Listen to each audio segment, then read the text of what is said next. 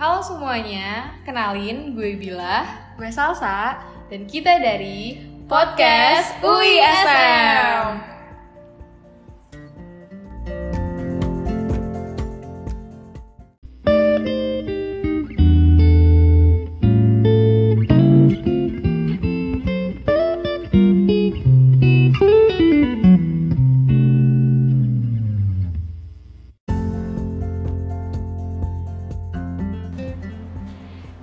pertama ini kita mau bahas tentang kesehatan mental yang berkaitan dengan kampus nih.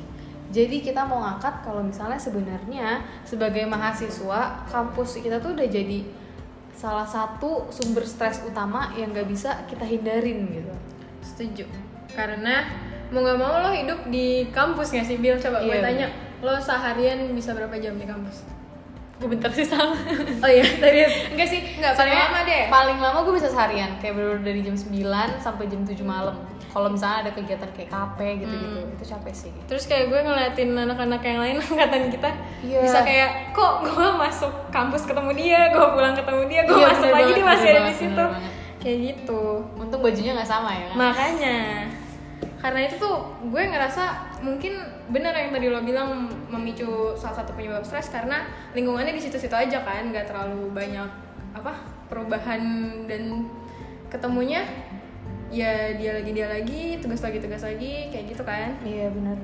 Dan sebenarnya kalau misalnya tadi ngomongin tugas ataupun kayak kegiatan, sebenarnya tuh nggak cuman akademik ataupun kegiatannya, tapi juga bisa jadi social life-nya kayak dinamika pertemanannya gitu. Mhm. Kayak misalnya ada orang-orang yang kayak ketemu eh, eh ngelihat orang punya temen kayaknya seru banget gini gini gini terus ada juga tapi sementara dia sendiri nggak bi- belum bisa menemukan teman yang bener-bener bisa Mhm. menemani dia di kampus gitu. Itu kan jadi sebenarnya jadi salah satu sumber stres yang berkaitan juga sama kampus karena ya lo ketemu teman itu juga di kampus gitu. Apalagi kalau misalnya gini lo udah ngerantau atau lo ngekos terus lo nggak dapet temen yang klik. Oh ya itu susah banget sih. Iya kan, terus oh sama gue mau nanya seberapa cepet sampai akhirnya lo ketemu sama klik lo di fakultas? sebenarnya sejujurnya temen gue yang di fakultas itu ya teman deketnya itu Hmm. itu tuh bener-bener dari zaman maba yang padus Ah. inget gak sih iya dari zaman padus itu tuh eh kayak Hoki banget, Iya bener biasa. Sebenarnya gue bersyukur sih karena itu kayak gue bisa nemuin orang yang berpas dari gue Hmm. awal ber, awal banget kan maba ya. Padu siapa sih inget gitu. Iya. Terus sampai gue akhirnya eh, sampai sekarang tuh masih orangnya tuh temennya itu, doang. Maksudnya yang deket ya. Tapi kalau teman menambah. Iya maksud gue kan ada yang kayak gitu Iya, kan. benar. Dan ada yang ada yang emang dan ada yang susah gitu Hmm. loh yang Kalau susah gimana, sama Sal? orang.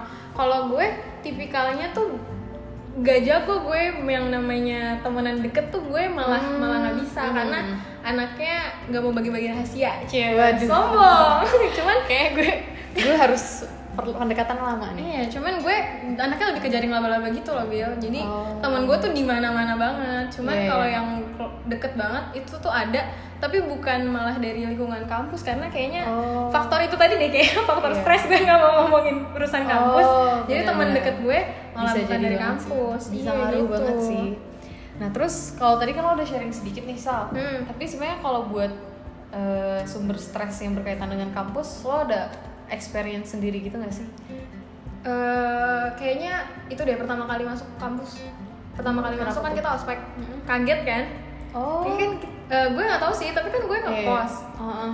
jadi gue tuh kaget dong ditahan tiga bulan gak Oh. balik-balik kan bu terus belum kenal sama siapa-siapa Iya, iya. jadi itu tuh menurut gue lumayan jadi sumber stres kan pas Oh. awal-awal dan hmm, karena tadi gue bilang sama lo kalau temen gue nggak ada yang dari nggak ada yang dari sini Iya, karena iya. gue enak ngomongin Hmm. kampus mulu susah juga kontaknya karena gue nggak balik-balik kan dari Depok Oh, gitu Menarik sih sebenarnya karena kalau gue sendiri pas Mhm. awal masuk tuh kayak bener-bener ngerasa akhirnya gue masuk kosan gitu kayak bener-bener gue punya dunia sendiri gitu. Malah gue jadi uh, menghilangkan stres gue gitu. Iya. Tapi menarik sih dan sebenarnya waktu itu gue juga sempet deket sama salah satu temen gue Hmm? dan itu tuh dia juga cerita kayak gitu karena pas awal masuk itu Oh, dia iya. tuh bener stres yang kayak Mhm. dia bisa nangis di kosan padahal for no reason kayak gak ada alasan apa pun Iya. cuman gara-gara dia ngerasa kesepian Ah iya iya itu Itu banyak sih. banget sih gue Iya. nemuin kasus kayak gitu tuh banyak banget. Tapi itu kan tadi zaman-zaman maba nih Iya, yang iya. pasti udah kata teratasi Mm-mm. teratasi kan. Kalau yang sekarang sekarang lo ada nggak?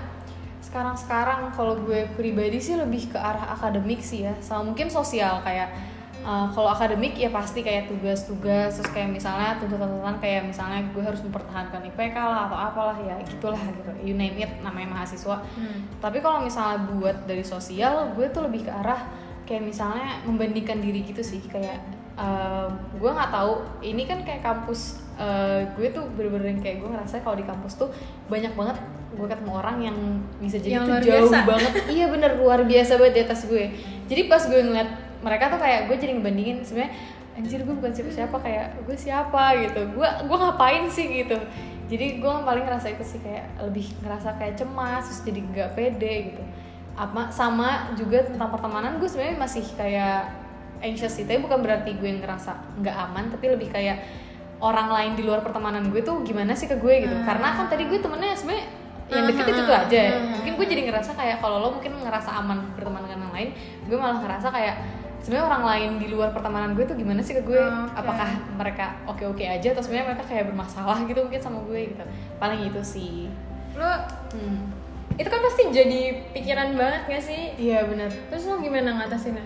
kalau gue sih sebenarnya em, buat yang akademik kalau gue tuh lebih kayak kalau misalnya gue lagi stres lagi kayak beban banget nih pelajaran-pelajaran gue bakal hold back dulu sih kayak gue bakal mundur dulu dari semua tugas ataupun kewajiban gue jadi kayak gue punya waktu sendiri buat tenangin diri buat kayak seenggaknya ah eh, bodo amat deh tar dulu gitu. Baru nanti kalau misalnya gue emosi atau misalnya perasaan gue atau stres gue udah stabil lagi baru gue kayak mulai mengerjakan lagi. Karena itu biasanya lebih efektif sih. Kalau sendiri? Sebenarnya mirip. Sama. Oh, iya? gue gue Hmm. hobi banget. Tapi kan kalau lo tadi stresnya dari akademik kan? Gue tuh dari akademik tuh sebenarnya nggak stres stres banget. Hmm. karena ya sudah gitu loh gue anaknya lebih kayak ya udah Gue kayak ambis banget gitu jadinya. shall pass gitu kan jadi Iya, iya, gue bener-bener. Tapi bener sih. selama gue masih bisa survive dengan nilai yang tidak buruk Iya. berarti gue masih aman jadi jadi jatuhnya gue stres karena orang lain di sekitar gue tuh stres kayak Oh. ih lucu banget sih ini iya sebenarnya kayak malah nular gitu ya kayak, kayak sakit Hmm, jadi kayak waktu itu gue pernah ada di satu kelas yang semua orang panik karena mau tes. Terus Hmm. Oh. kayaknya kalau nggak salah emang tugasnya lagi banyak. Iya, Terus iya. jadi semua orang panik.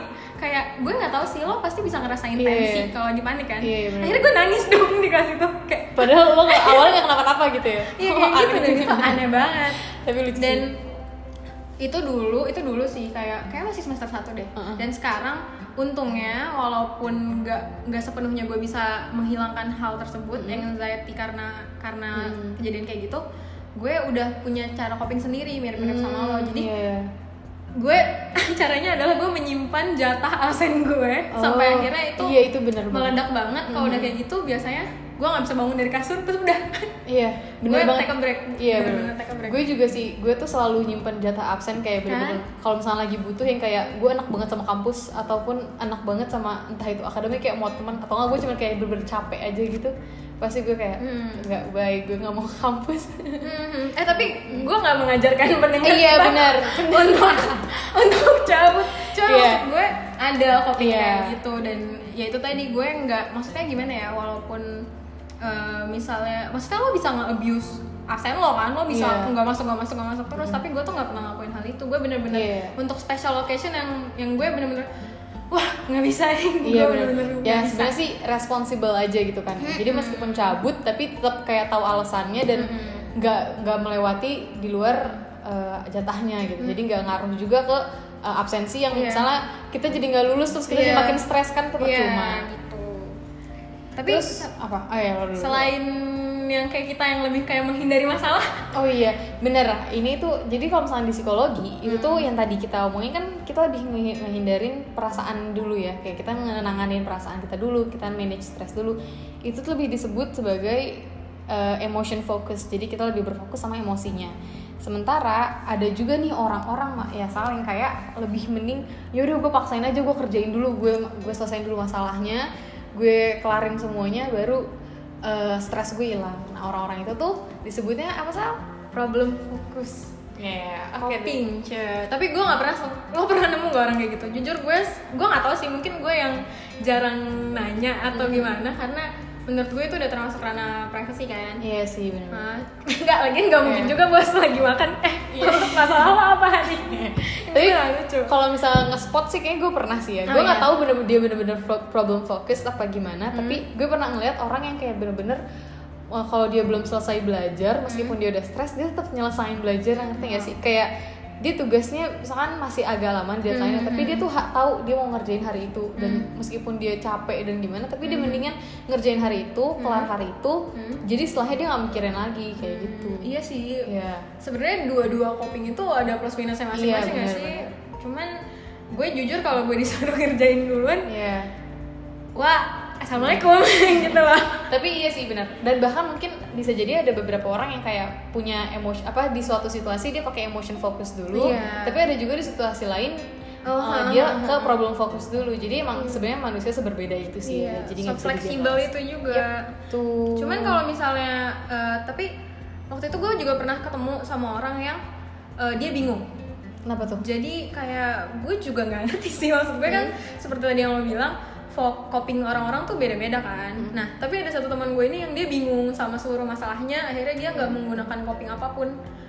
Dan akhirnya jadi lari gitu. Iya iya. Kayak gitu. Terus eh, apa ya gue udah mencoba gue udah pernah nanya sama dia lo udah pernah eh, minta bantuan sama orang belum? Terus kata Oh. dia dia nggak tahu harus minta bantuan dari mana. Oh, nah sebenarnya ini buat kalian-kalian mahasiswa UI itu udah sebenarnya udah cukup banyak sih privilege untuk uh, urusan kesehatan mental ini. Kayak misalnya uh, di psikologi sendiri kita ada yang namanya Sci-Hope yaitu kayak tempat kita bisa buat ya istilahnya curhat gitulah secara online. Dan itu anonimus dan dijaga banget kerahasiaannya dan dihandle langsung sama teman-teman dari uh, peer counselor dari tim psikologi. Dan itu juga nanti kalau misalnya emang kayak butuh di refer ke psikolog lagi itu bakal dibantu sama mereka atau ada juga yang dari klinik terpadu. Jadi itu tuh klinik yang emang ada di psikologi buat uh, konsultasi gitu dan bisa entah itu ke mahasiswa S2 yang lagi belajar ataupun ke psikolognya langsung. Dan mungkin yang sebenarnya paling aksesibel buat mahasiswa UI itu sebenarnya ada klinik layanan konseling satelit Makara UI yang tadinya mungkin lebih dikenal sama BKM UI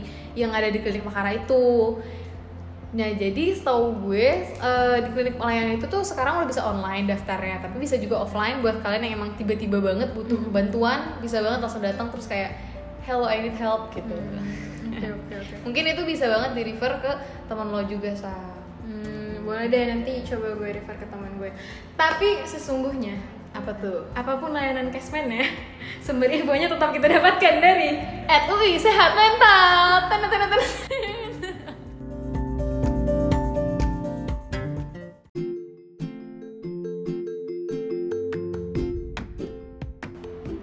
Tungguin ya episode selanjutnya. Bila dan Salsa signing out. See ya.